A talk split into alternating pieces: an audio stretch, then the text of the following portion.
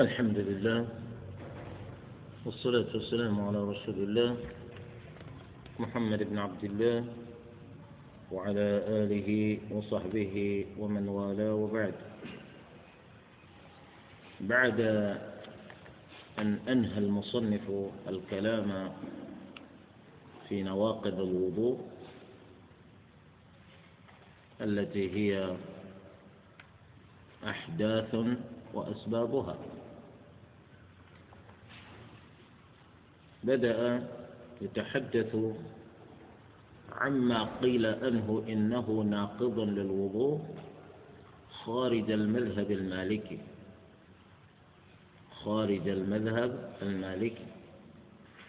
إنما تطرق المصنف إلى ذكر هذه الأشياء إتماما للفائدة. يقول الفصل الثاني في النواقض خارج المذهب أي خارج المذهب المالكي. ينقض القيء والقيء هو ما يخرج من معدة الإنسان بعد إدخاله طعاما. فيأتي الإنسان يقي هذا الطعام الذي في معدته يخرج من معدته. هذا يقال له قي الفقهاء الذين ذهبوا إلى أن القيء ينقض الوضوء يستندون في ذلك إلى بعض الآثار. بالإضافة إلى أن القيء قد خرج عن شكل ما دخل به طعاما. ليصير شيئا آخر. وهذا القيد تجدون أن رائحته تكون كريهة. رائحة القيد تكون كريهة. ومعلوم أن مآل القيد إذا ما تأكسج منه ينتفع به الجسد الجسد. أما ما لم يتأكسج منه فإنه إلى الفضلات يصير. إذا صار من الفضلات فإنه يخرج من الإنسان بشكل براز فبالنظر إلى مآله أو إلى مآل بعضه حكم عليه بأنه ناقض للوضوء. وإن كان خروجه عن طريق الفم وإن كان خروجه عن طريق الفم. كذلك القلس هو أيضا شبيه بالقي لكنه إذا خرج يخرج من الحلق. يخرج من الحلق ملء الفم. الطعام إذا خرج قبل وصوله إلى المعدة وهو في طريقه إليها ملء الفم يقال له قلس. يقال له قلس. سواء أكان ملء الفم أو دونه. لكنه إذا عاد ذلك الطعام إلى المعدة. ثم خرج هذا يقال له قيد هذا ما قيل في توجيه القول بنقض الوضوء بالقيد يقال في نقضه بالقلد. كذلك الرعاف. وقد جاء في الأثر عن أحد الصحابة أن الإنسان إذا أرعف وهو في الصلاة فإنه يمسك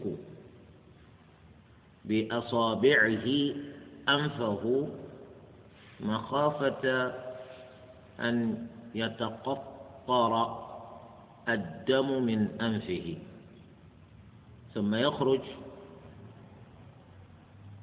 كي يتوضأ. بشرط ألا يستدبر القبلة ولا يتكلم. لا يستدبر القبلة ولا يتكلم. فبهذا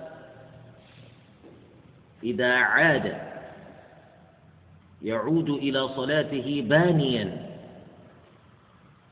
ولا يعود إليها مبتدئا إياها من جديد. بهذه الشروط. يجدد وضوءه يعود إلى مكان صلاته ولم يستدبر القبلة ولا تكلم. الشاهد هنا أنه يتوضأ. ما المراد بهذا الوضوء وما موجبه؟ اختلف الفقهاء في ذلك. فمنهم من يقول المراد بالوضوء هنا أن يغسل ما به من دم. ثم يأتي يبني على صلاته السابقة ومنهم من يقول لا الوضوء إذا أطلق لا ينصرف إلا إلى الوضوء الشرعي المعروف. فمعنى ذلك إذا خرج فإنه يخرج ليجدد وضوءه. ليجدد وضوءه. فبناء على هذا الفهم يقال إن الرعاة ناقض من نواقض الوضوء. وإلا لماذا قيل له يجدد وضوءه؟ لماذا قيل له يتوضأ من أجل أن الرعافة خرج من أنفه؟ وهذا موضع نظر وخلاف بين الفقهاء. ليسوا جميعا متفقين على أن الرعاف ناقض من نواقض الوضوء وإلا لقالوا به في, في المالكية أيضا كما قال بذلك بعض الفقهاء. كذلك الحجامة. الحجامة هل تنقض الوضوء أو لا تنقض الوضوء؟ خلافا بين الفقهاء. كذلك خروج القيح. القيح هو الماء الماء القذر الذي يكون خليط الدم صديد الذي يخرج من جرح. الصديد هذا يقال له قيح. هذا ينقض عند الإمام أبي حنيفة. ينقض الوضوء. كذلك أحمد بن حنبل يقولون بأنه ينقض الوضوء. كذلك القهقه وهو الضحك بصوت يسمع. الضحك بصوت يسمع. فمن صوته من حكاية صوته جاءت التسمية. أي أن الإنسان إذا ضحك القهقه يقول كه كه كه كه كه فقالوا قهقه فالضحك الذي آه، ينتج عنه صوت هذا يقال له القهقه باللغة العربية. أبو حنيفة يقول من من ضحك القهقهة في الصلاة ينقض وضوءه وتبطل صلاته لماذا؟ لأنه ضحك في الصلاة والصلاة شأنها أن تبعد عن العبث ومن العبث القهقهة في الصلاة لأنك إذا علمت أمام من تقوم فإنك تجنب صلاتك من القهقهة. فهذا ضرب من الجنون. أنت تضحك في صلاتك في مناجاتك لله عز وجل. فقال أبو حنيفة وهذا تركيب يعني تركيب غريب في الفقه. هو يقول القهقهة إنما تنقض الوضوء إذا وقعت في الصلاة. أما إذا ضحك الإنسان القهقهة خارج الصلاة فإن القهقهة تلك لا تنقض الوضوء فهمتم؟ إذا هي تنقض الوضوء داخل الصلاة ولا تنقضه خارجها الفقهاء الآخرون متفقون مع أبي حنيفة في شأن الصلاة أن من ضحك القهقهة في صلاته تبطل صلاته. ولكن يخالفونه في القول بأن القهقهة تنقض الوضوء في الصلاة خاصة دون خارجها. فقالوا له ما لا ينقض الوضوء؟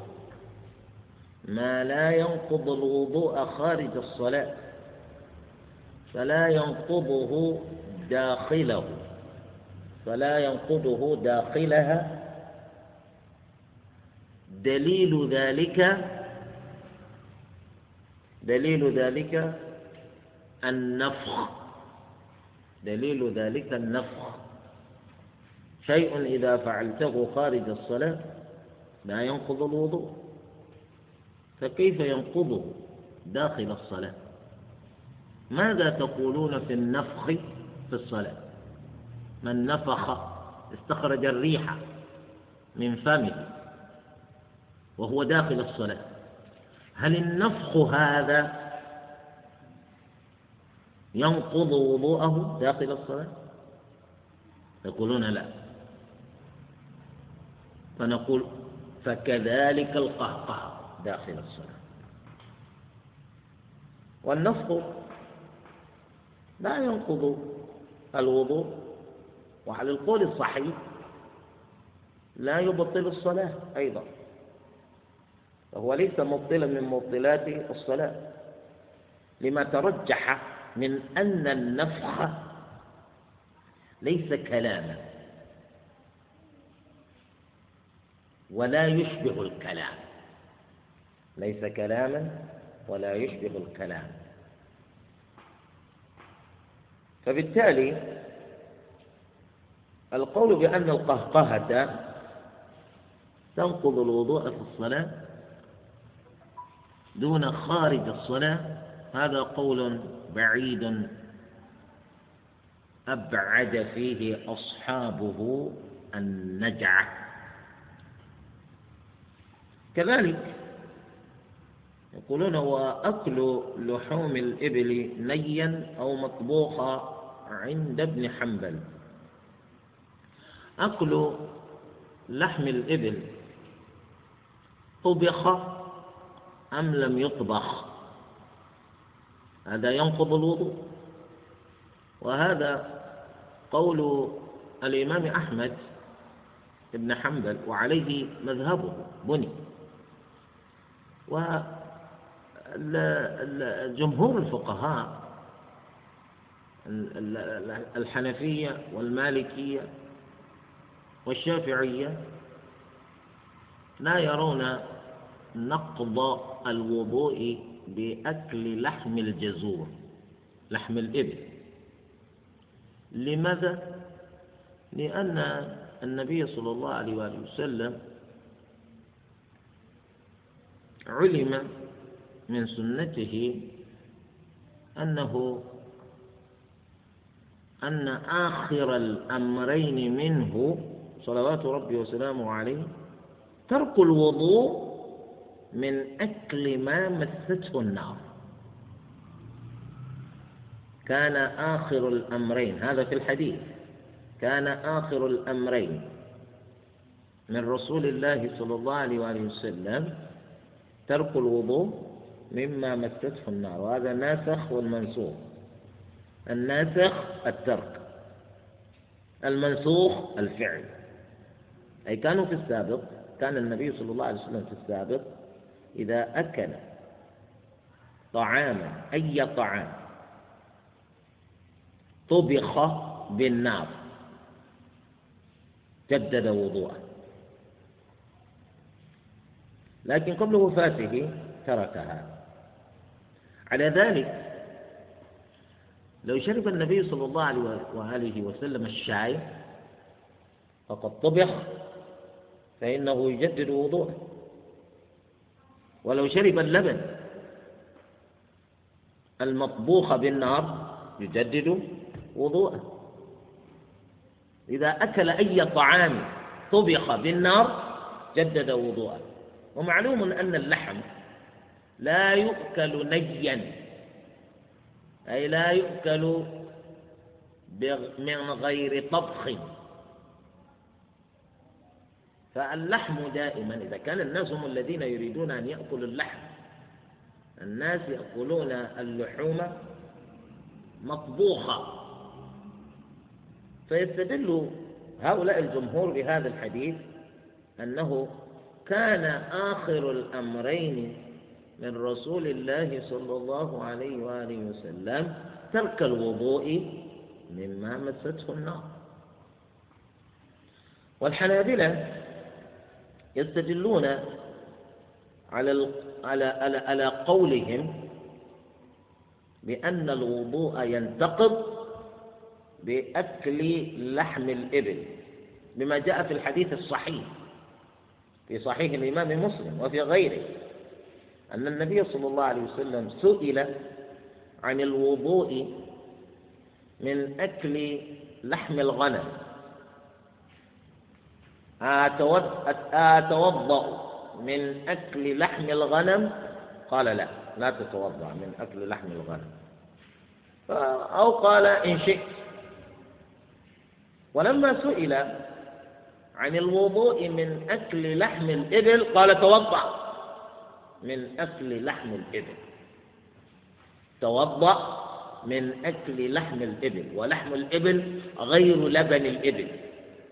بمعنى لو شرب الإنسان لبن حليب الإبل. أيتوضأ؟ لا يتوضأ لأن الحليب ليس لحما. لكن ما رأيكم في من أكل كبد الإبل؟ ومن أكل رئة الإبل. هل يتوضأ؟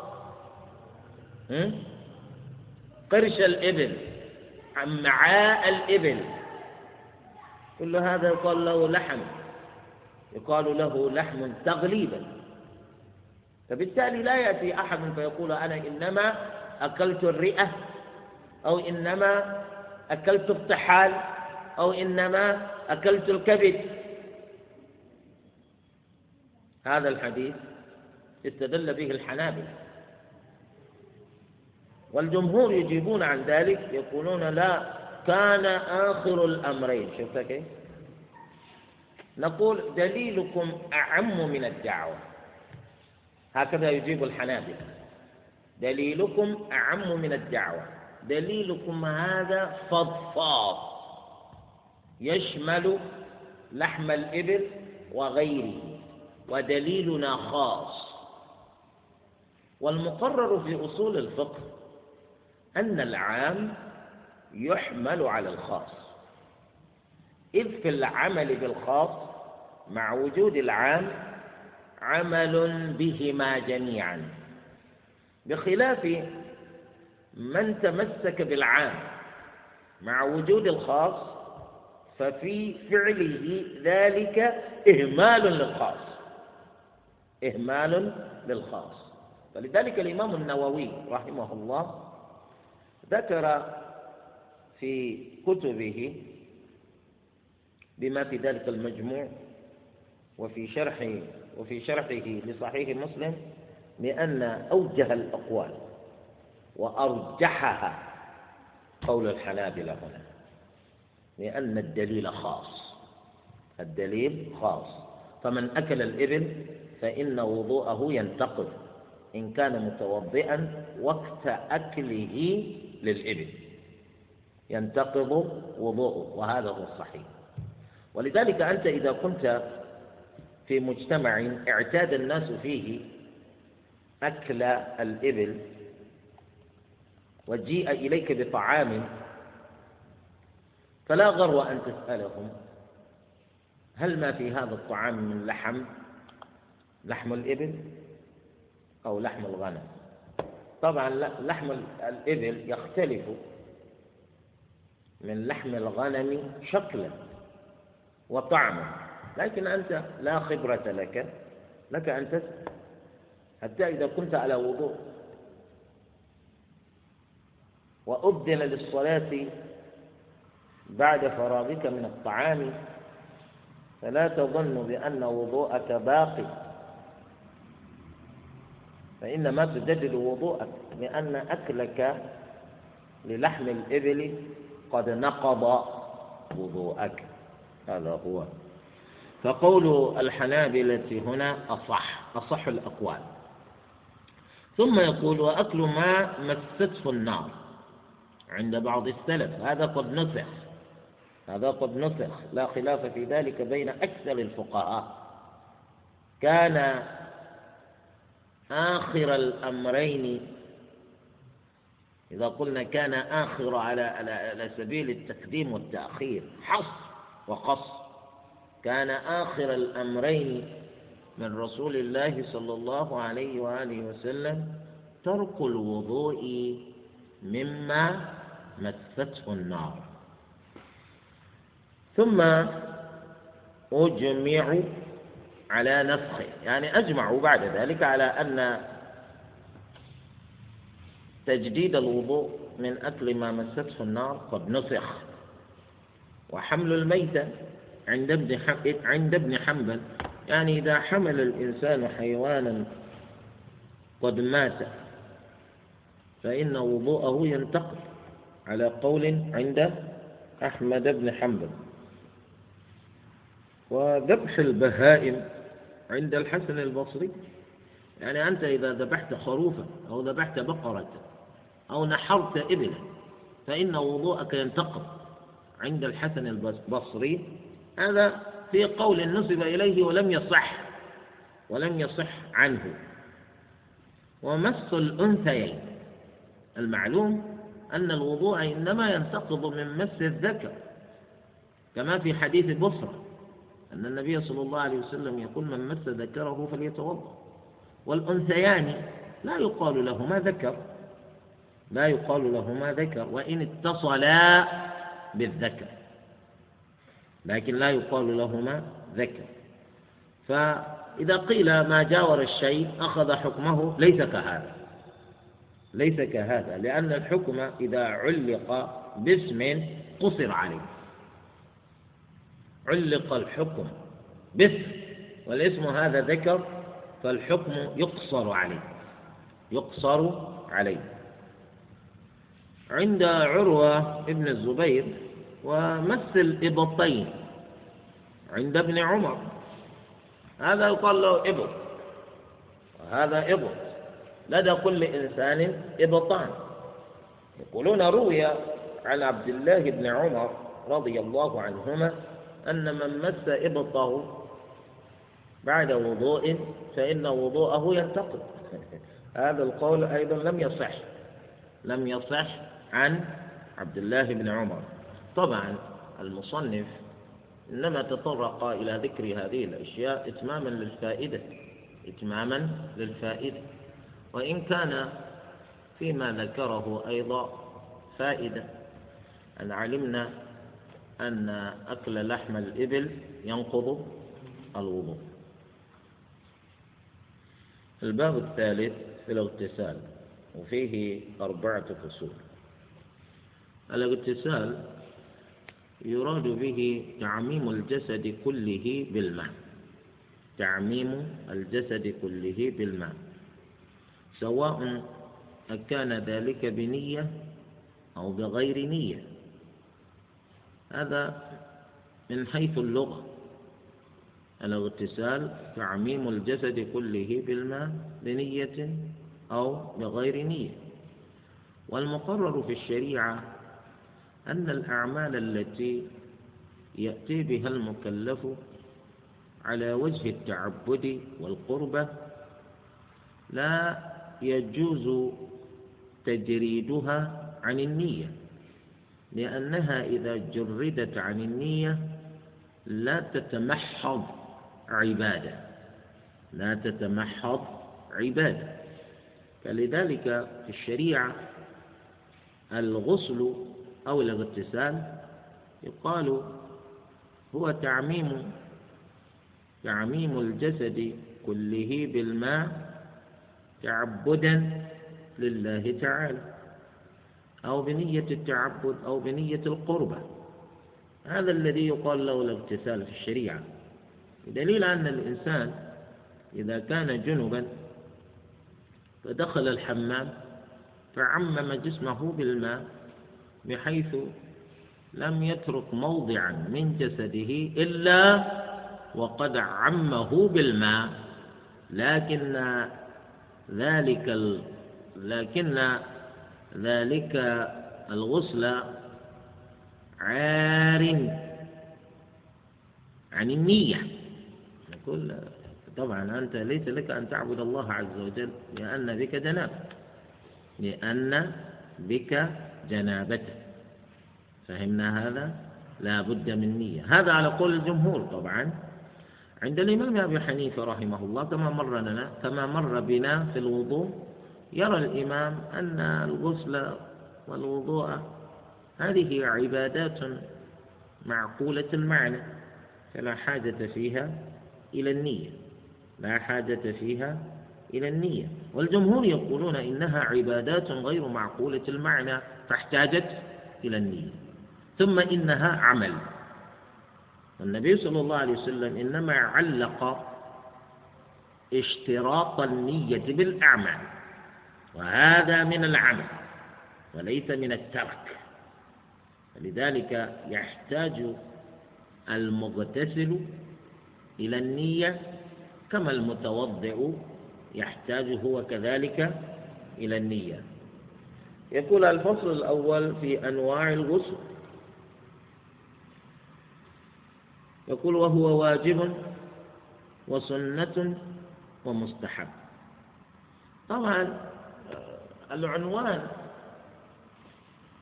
العنوان. وما أدرج تحته لا يتفقان. ويقول لنا أنواع الغسل.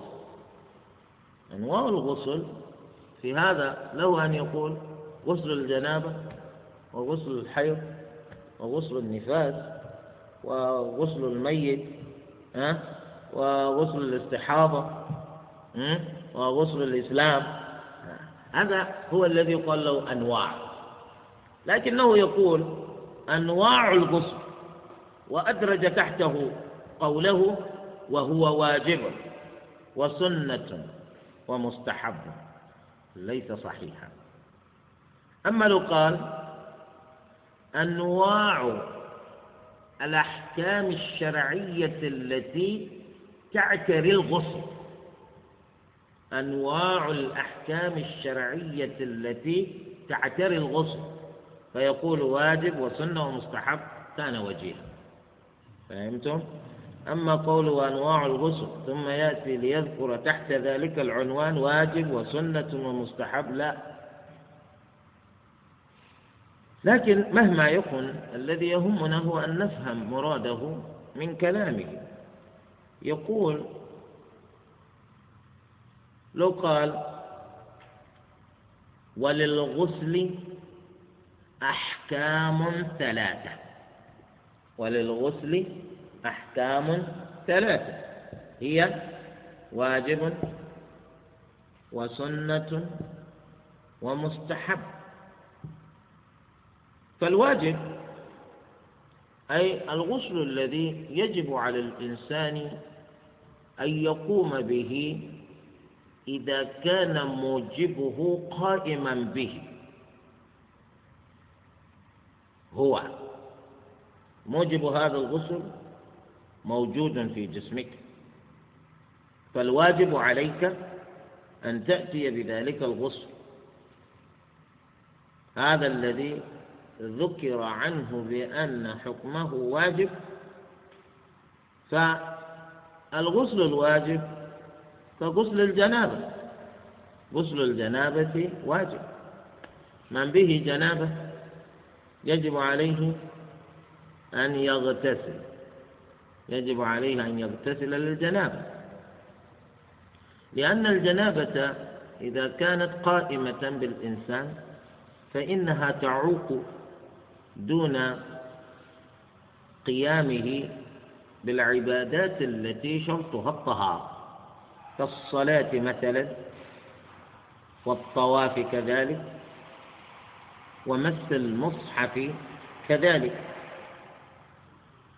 بل وتلاوة القرآن لأنه جنب. به حدث أكبر.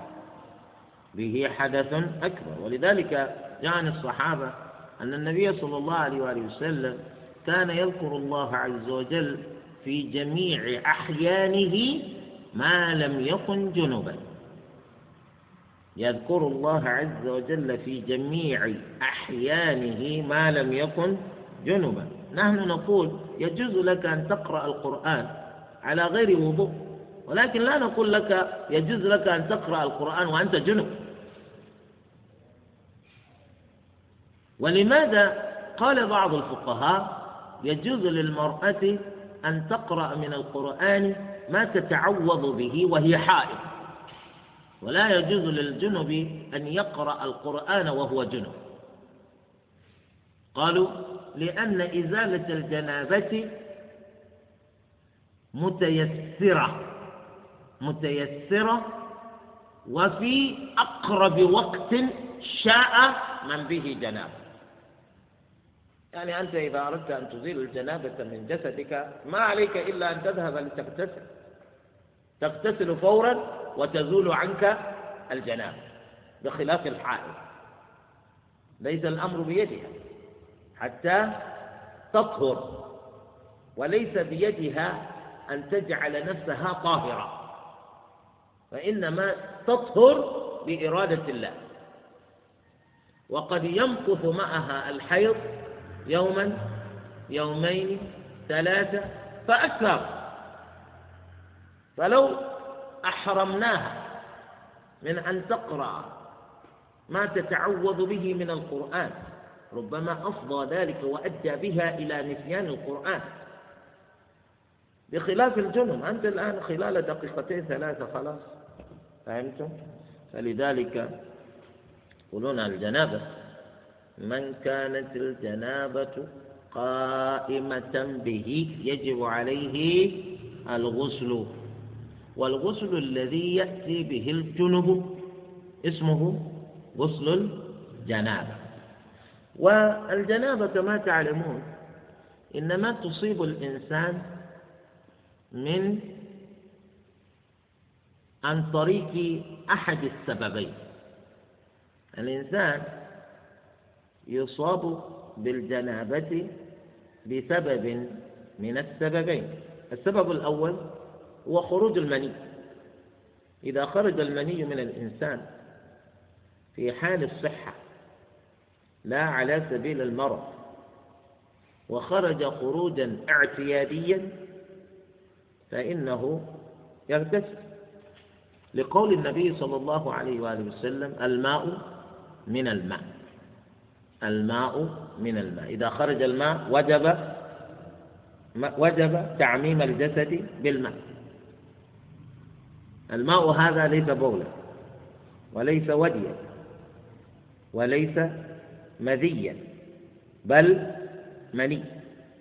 إذا خرج هذا من جسد الإنسان وجب عليه أن يمس بشرته الماء. ثانيا مما من السبب الثاني وهو التقاء الختانين. التقاء الختانين. أي أن يلتقي الذكر بالقبل. يقول النبي صلى الله عليه وآله وسلم إذا التقى إذا التقى الختانان وجب الغسل. إذا التقى الختانان وجب الغسل. خرج المني؟ أم لم يخرج المني؟ يجب الغسل بالتقاء الختانين. فهمتم؟ يجب الغسل بالتقاء الختانين. بهذا يصير الإنسان جنبا فيجب عليه الغسل. فغسل الجنابة بذلك واجب وكذلك الحيض. الحيض عادة شهرية. عادة شهرية كتبها الله عز وجل على بنات حواء. فالمرأة تمكث أيام أقرائها. تمكث أيام أقرائها. حتى إذا انقطع عنها دم الحيض فإنها تغتسل. فغسل الحيض واجب كذلك. فالمرأة إذا أهملت غسل الحيض في حياتها فإنها تكون بذلك حاملة للحدث الأكبر. تحمل في جسدها الحدث الأكبر الذي هو الحيض. فغسل الحيض واجب. كذلك النفاس. النفاس هو الدم الذي يخرج من المرأة من قبلها بسبب الولادة. الدم الذي يخرج بسبب الولادة اسمه النفاس. النفاس هذا إذا انقطع وجب الغسل. ويذكر بعض الفقهاء أن الولادة بأن الولادة نفسها سبب لوجوب الغسل. أي إذا ولدت المرء وخرج المولود جافا لا دم فيه. هل نقول للمرأة هذه تغتسل؟ تغتسل. لماذا؟ لخروج الولد. لأن الغالب أن المرأة إذا إذا ولدت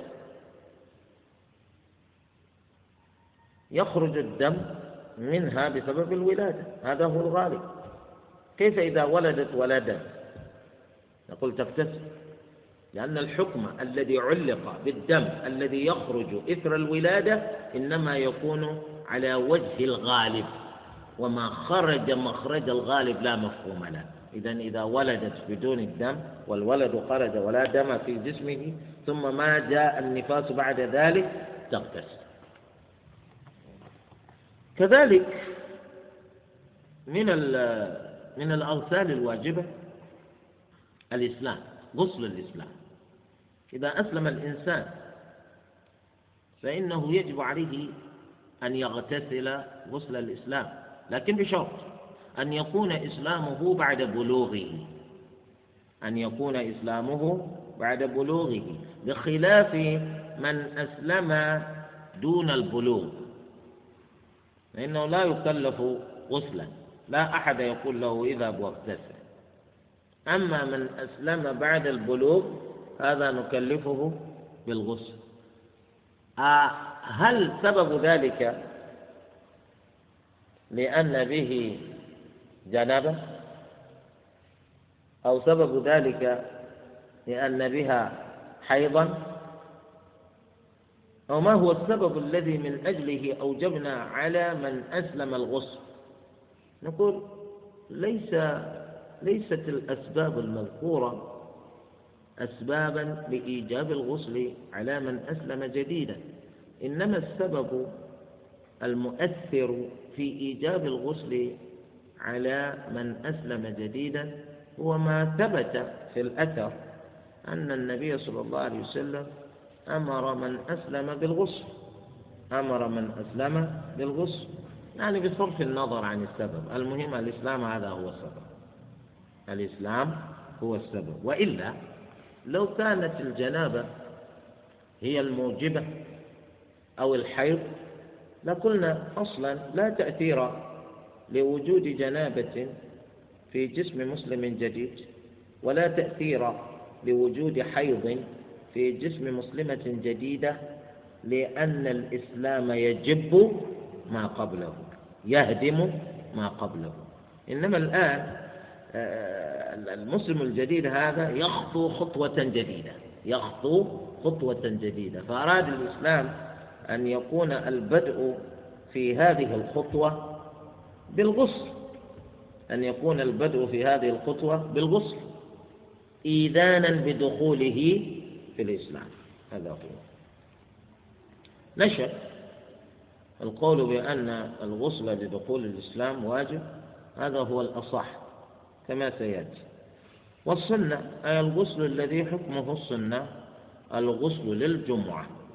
الغسل للجمعة. آه، ذلك هذا هو القول المختار عند المالكية. وإلا كما يقول المصنف وأوجبه الظاهرية. الظاهرية أتباع داود الظاهري يرون وجوب غسل الجمعة للحديث. أن النبي صلى الله عليه وسلم يقول في الحديث الصحيح غسل الجمعة واجب على كل محتلم. غسل الجمعة واجب على كل محتلم أي على كل بالغ. وهذا الحديث لكان المصير إليه لولا أحاديث أخرى. هذه الأحاديث الأخرى هي التي بها علمنا أن المراد بوجوب غسل الجمعة كما ذكر في الحديث إنما هو وجوب السنة. إنما هو وجوب السنة. وإذا كان الشيء واجبا وجوب السنة فمعنى ذلك إنه سنة مؤكدة. سنة مؤكدة. فمن الأحاديث التي منها علمنا أن غسل الجمعة ليس بواجب. قول النبي صلى الله عليه وسلم من اغتسل يوم الجمعة فبها ونعمت. فمن توضأ من توضأ يوم الجمعة من توضأ يوم الجمعة فبها ونعمت. ومن اغتسل فالغسل أفضل. ومن اغتسل فالغسل أفضل. وجه الدلالة من هذا الحديث ليس من قوله صلى الله عليه وسلم فالغسل أفضل. ها لم لم نعرف عدم وجوب غسل الجمعة من قوله فالغسل أفضل. لا. لأن إثبات الأفضلية لا ينفي الوجوب دائما. إثبات الأفضلية لا ينفي الوجوب دائما بدليل قول الله عز وجل يا أيها الذين آمنوا إذا نودي للصلاة من يوم الجمعة فاسعوا إلى ذكر الله وذروا البيع ذلكم خير لكم.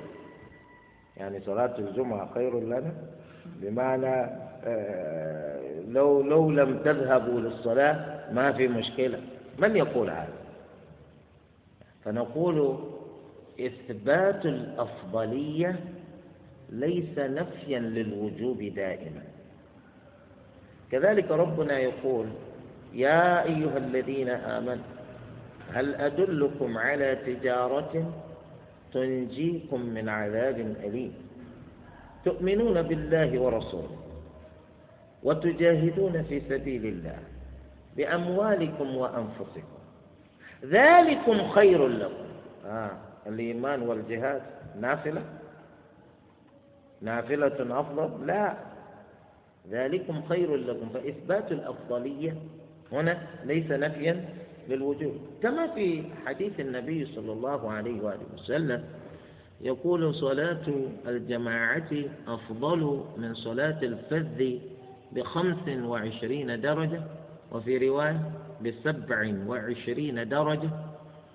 فنقول إثبات الأفضلية هنا ليس نفيا للوجوب لأن النبي صلى الله عليه وسلم هو الذي استأذنه رجل أعمى في أن يصلي في بيته وأبى عن أن يأذن له بالصلاة في بيته فعلم من ذلك أن إثبات الأفضلية ليس نفيا للوجوب.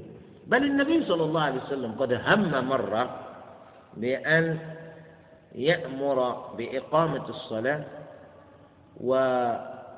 ويستخلف رجلا في إمامة الناس ثم يتخلف هو صلى الله عليه وآله وسلم إلى الذين لا يشهدون الصلاة في الجماعة فيحرق عليهم بيوتهم. لو لم تكن الصلاة في الجماعة واجبة ترى يهم النبي صلى الله عليه وسلم بأن يحرق عليهم بيوتهم؟ لا. فكذلك أدلة أخرى. بل الصحابة يقول إن من سنن الهدى التي أتى بها النبي صلى الله عليه وآله وسلم والتي يجب على المسلمين المحافظة عليها الصلاة في الجماعة. ولقد رأيتنا ولا يتخلف عن صلاة الجماعة إلا منافق إلا منافق ظاهر النفاق. بل يؤتى بالرجل في زمن النبي صلى الله عليه وسلم وهو مريض يهادى بين رجلين يحملانه. إلى المسجد حتى ينتهيان به إلى الصف كي يشهد الجماعة. فبالتالي نقول إثبات الأفضلية ليس دائما نفيا للوجوب.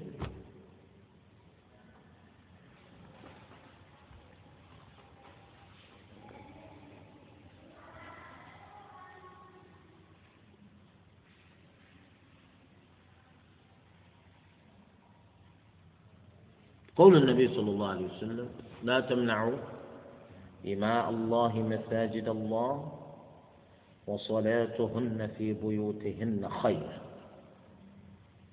هنا أثبت النبي صلى الله عليه وآله وسلم أفضلية صلاة المرأة في قعر بيتها على صلاتها في المسجد.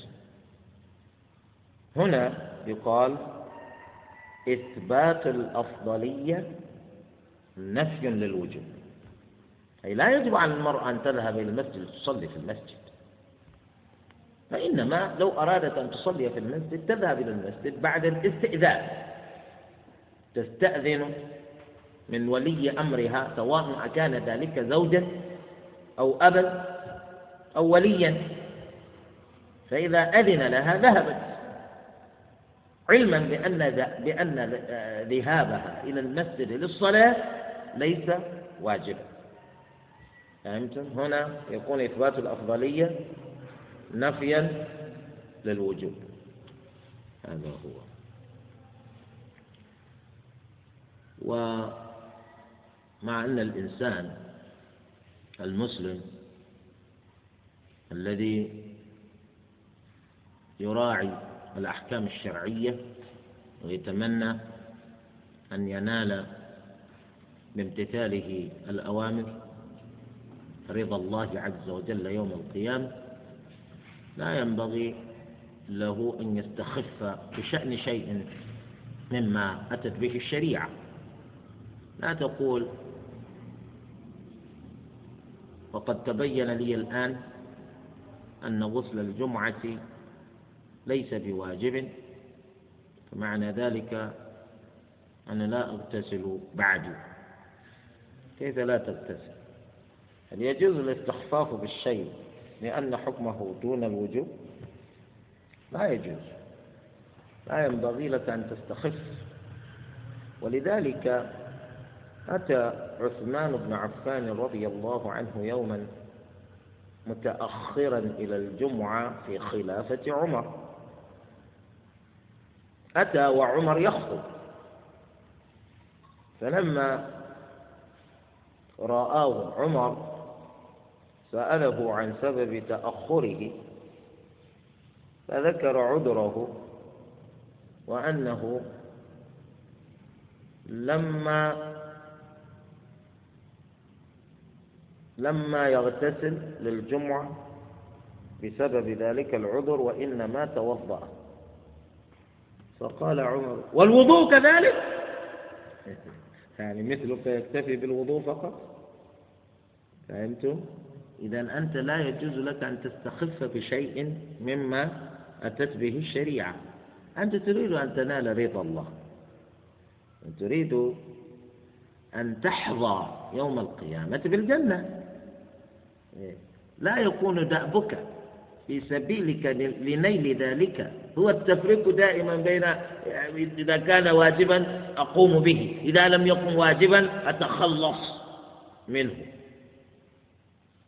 الذي يقول مثل هذا لا يريد العبادة إنما يلعب. ولذلك السلف الصالح يعبدون الله عز وجل بما تعلموا وبما علموا بصرف النظر عن الأحكام الشرعية التي تعتري تلك الأفعال الشرعية.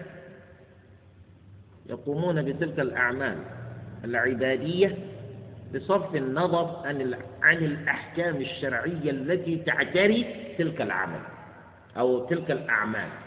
يعني هو يصلي لأن الله عز وجل أمر بالصلاة.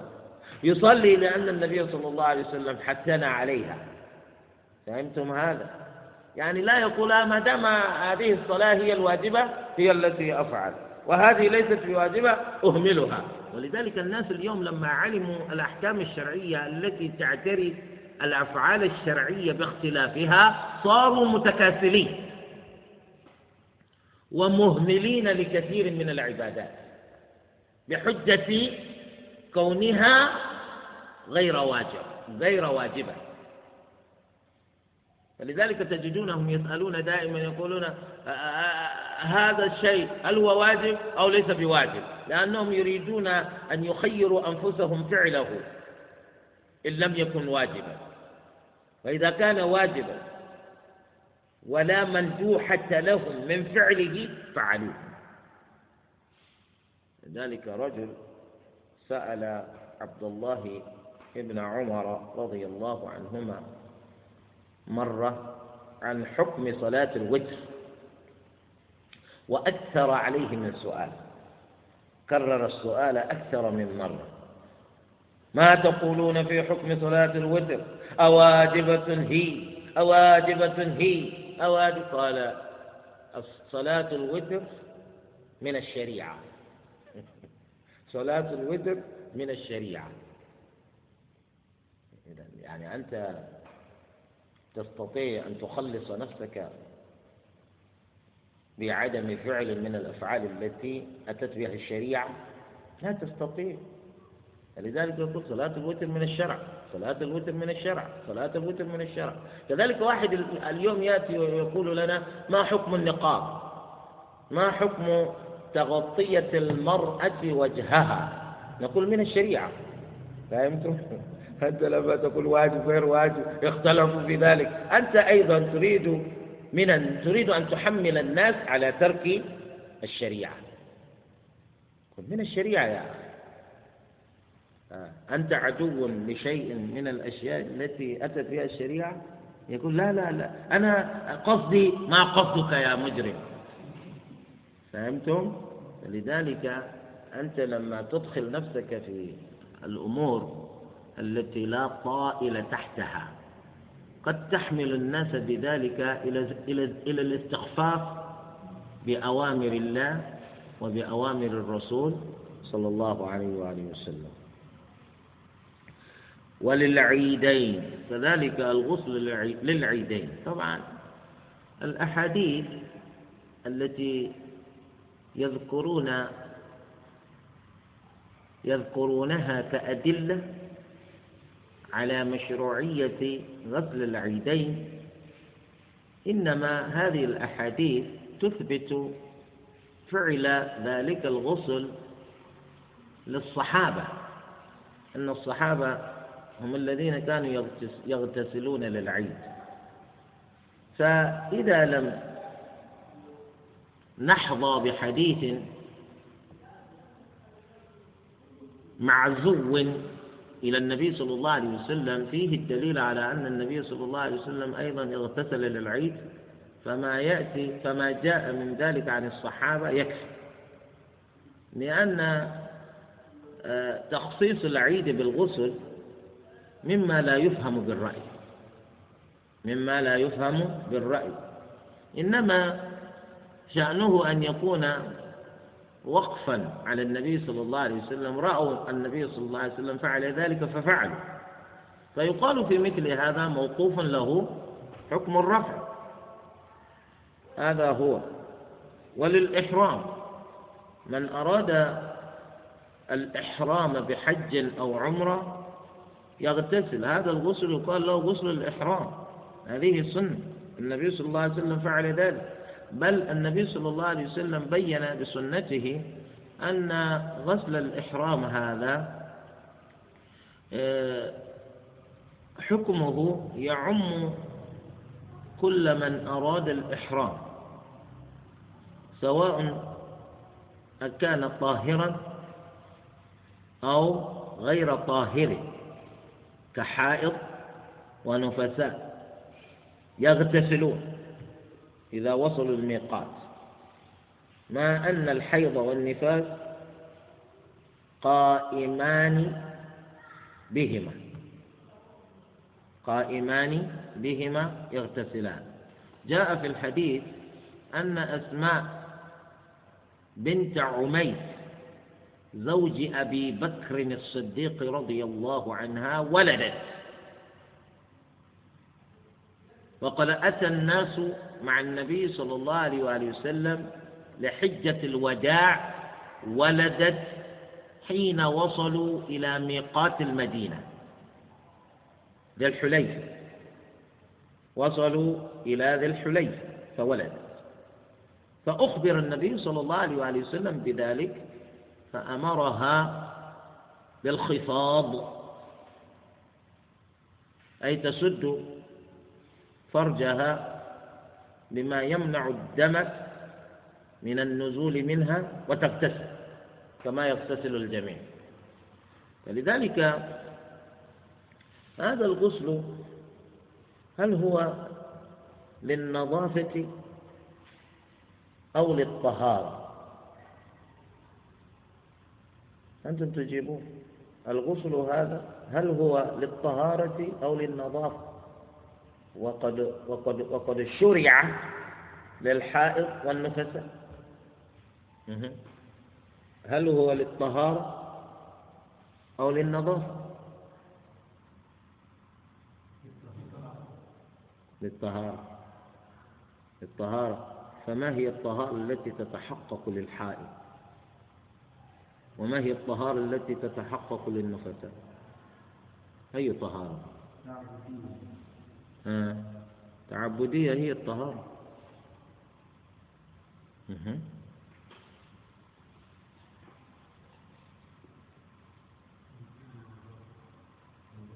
للنظافة صح؟ إذا كانت للنظافة ولماذا يقوم مقامه التيمم عند فقد الماء؟ تفكرون في هذا. يعني غسل شرع حتى للحائض حتى للنفساء ويقوم مقامه حين فقد الماء التيمم. فهمتم؟ يعني هنا إذا نظرت إلى مشروعيته أو إلى مشروعيته للحائض والنفساء قلت إنما هو للنظافة. وإذا نظرت إلى قول بعض الفقهاء بأن التيمم يحل محله عند فقد الماء قلت إنما هو للطهارة. وأي طهارة تتحقق للحائض والنفساء؟ إذا اغتسلتا للإحرام وبهما حيض ونفاس. فهمتم؟ أما الطهارة تتحقق من التيمم كما تتحقق من الغسل. كما تتحقق من الغسل. أنتم تبحثون عن جواب ذلك. و ولدخول مكة. طبعا هذا كله أخذ من سير النبي صلى الله عليه وآله وسلم في حجة الوداع أنه صلى الله عليه وسلم اغتسل لما اقترب من مكة قبل دخوله مكة. مكة بلدة ليست كغيرها من البلدان. ليست كغيرها من البلدان. أنت يعني لم تؤمر ولم يشرع لك بأن تغتسل قبل أن تدخل أي مدينة في الدنيا. يعني أنت تريد أن تدخل باريس تريد أن تدخل نيويورك تريد أن تدخل واشنطن تسافر إلى تورونتو تريد أن تدخل المنامة تذهب إلى دوحة تذهب إلى أبو ظبي أو دبي أو تريد أن تسافر إلى الرياض أو القصيم. لا أحد يقول لك تغتسل قبل أن تدخل تغتسل قبل أن تدخل كيف؟ أما مكة بلدة فريدة.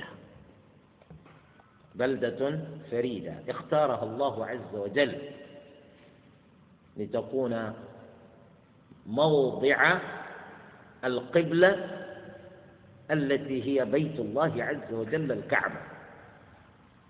إن أول بيت وضع للناس للذي ببكة مباركة وهدى للعالمين. لا وجود لكعبتين في الدنيا. إنما هي كعبة واحدة.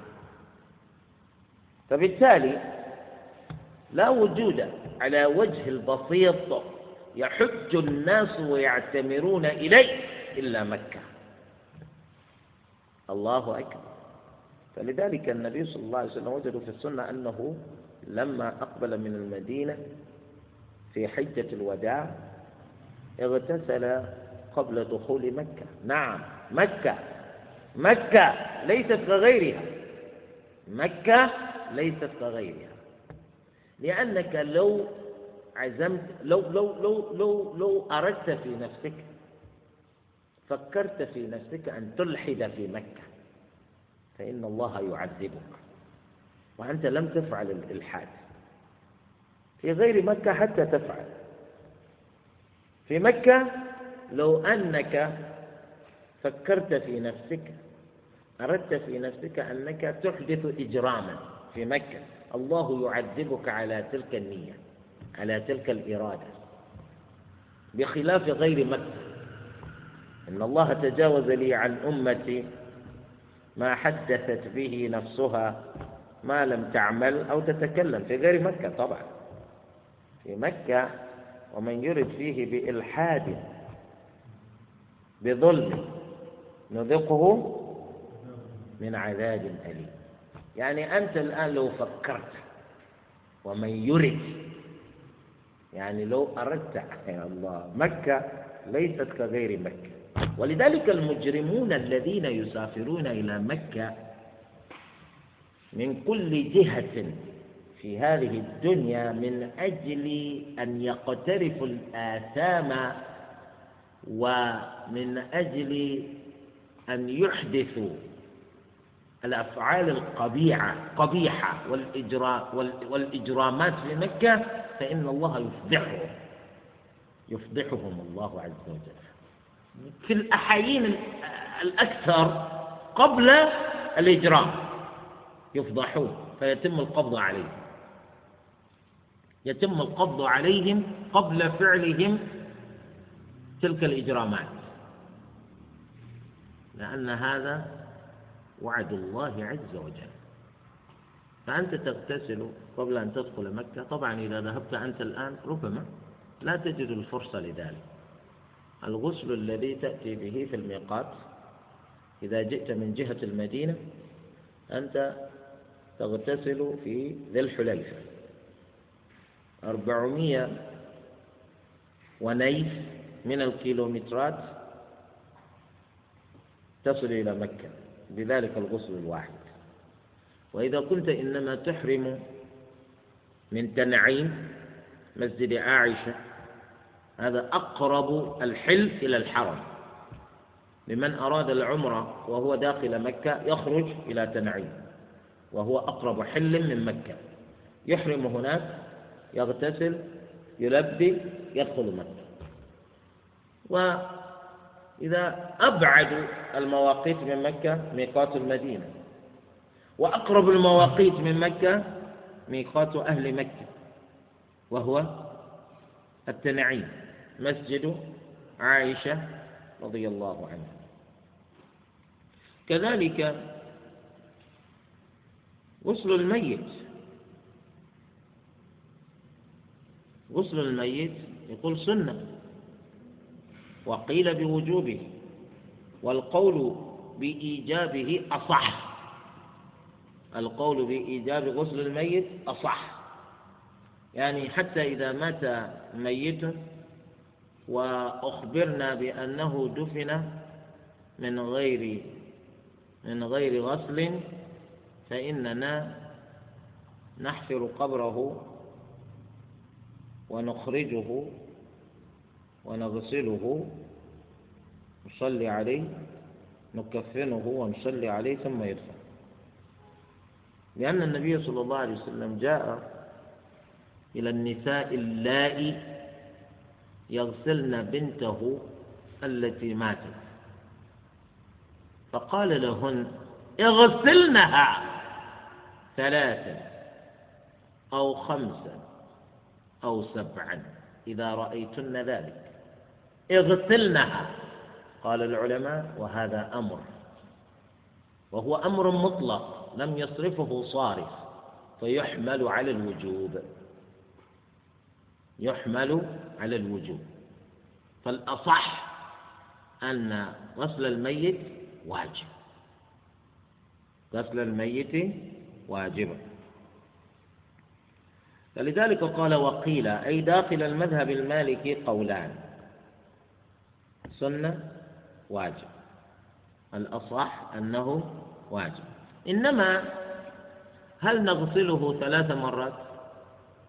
أو خمسة أو سبعة أو أكثر؟ هذا خاضع لما يراه من يباشرون غسل الليل لأن النبي صلى الله عليه وسلم يقول اغسلنها ثلاثة فأقل فعلى أن يكون الوقوف على الوتر. أقل الوتر هنا ثلاث. لا تقول أقل الوتر مرة أقل الوتر ثلاث. اغسلنها ثلاثة أو خمسة أو سبعة إذا رأيتن ذلك. وفي رواية اغسلنها ثلاثة أو خمسة أو سبعة أو أكثر من ذلك. بمعنى يجوز لكن أن تزدن على سبع مرات. إذا رأيتن ذلك. والمستحب من الأغسال الغسل للطواف. طبعا إذا وجدت الفرصة لذلك تغتسل للطواف. وللسعي بين الصفا والمروة. وللوقوف بعرفة. والمزدلفة. كل هذا من وجد الفرصة ليقوم بذلك يغتسل ما في مشكلة. والغسل من دم الاستحاضة. طبعا إذا كانت المرأة مستحاضة وانقطع عنها دم دم الاستحاضة فإنها تغتسل. هذا خلاف بين الفقهاء. هل هذا الغسل واجب أو ليس بواجب؟ الأصح أنه واجب. أنه واجب.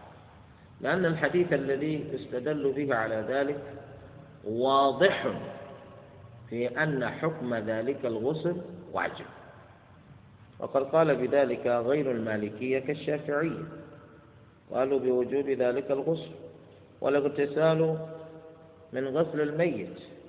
لأن الحديث يقول من غسل ميتا فليغتسل ومن حمله فليتوضأ. يعني إذا غسلت الميت تغتسل وإذا حملت الميت فإنك تتوضأ. هذا هو. نكتفي بهذا القدر لهذا اليوم. نسأل الله عز وجل أن يزيدنا علما وأن يبارك لنا فيما علمنا.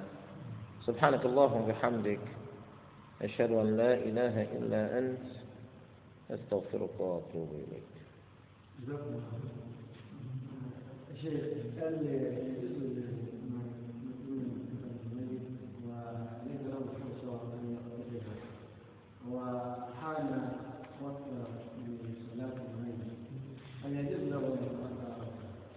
القول بأن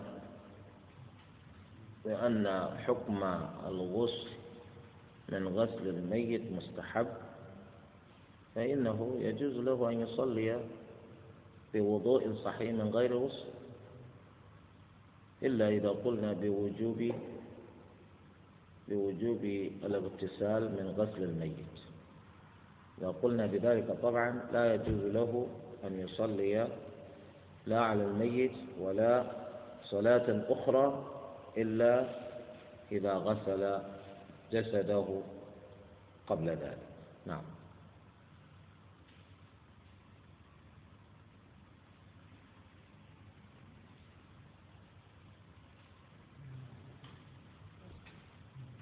É cabelo? Não. Uhum.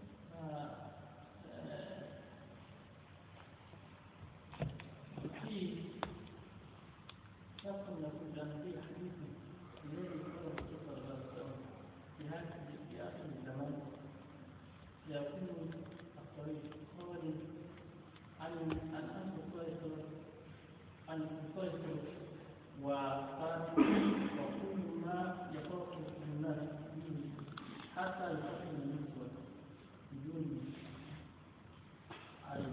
نعم ما هو السؤال؟ هل يمكن للمرأة أن هل سيكون في آخر الزمان وقت يمكن للمرأة أن تسافر بدون محرم هذا الحديث حديث صحيح. أن النبي صلى الله عليه وسلم يقول هذا الدين بما معناه سيعم الأمكنة كلها ويستتب الأمن حتى تسافر المرأة من الحيرة من الحيرة إلى مكة. لا تخاف إلا الله. وإلا الغنم وإلا الذئب على غنمها أو كما قال صلى الله عليه وسلم. هذا الحديث إنما هو بيان لما سيؤول إليه الأمر بعد كلام النبي صلى الله عليه وآله وسلم. ويقول العلماء هذا ربما يكون من أشراط الساعة الصغرى. أن مثل هذا قد حدث. مثل هذا قد حدث ومضى.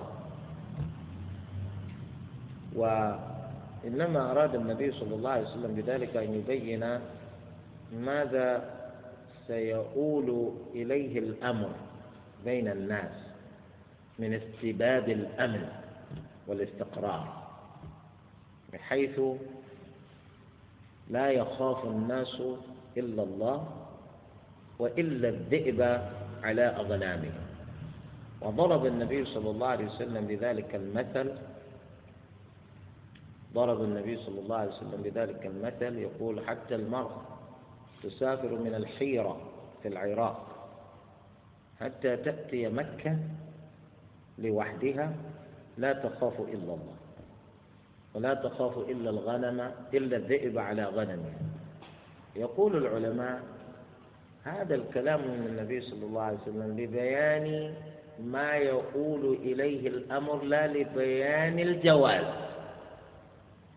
ما قاله النبي صلى الله عليه وسلم لبيان جواز أن تسافر المرأة بدون المحرم؟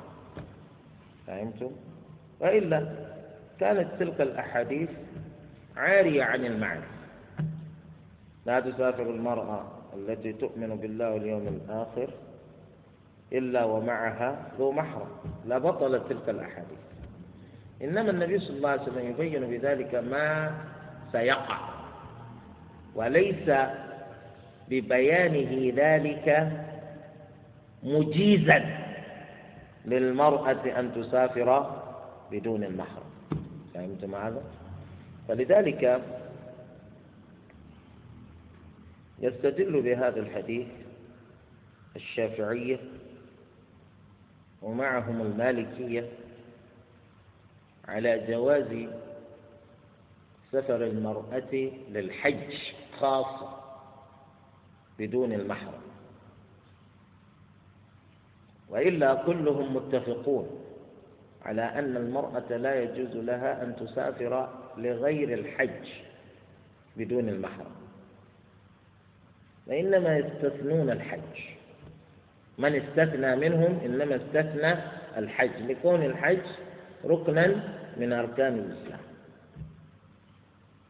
وبدليل أن المرأة قد لا قد لا تجد محرما يسافر معها إلى الحج.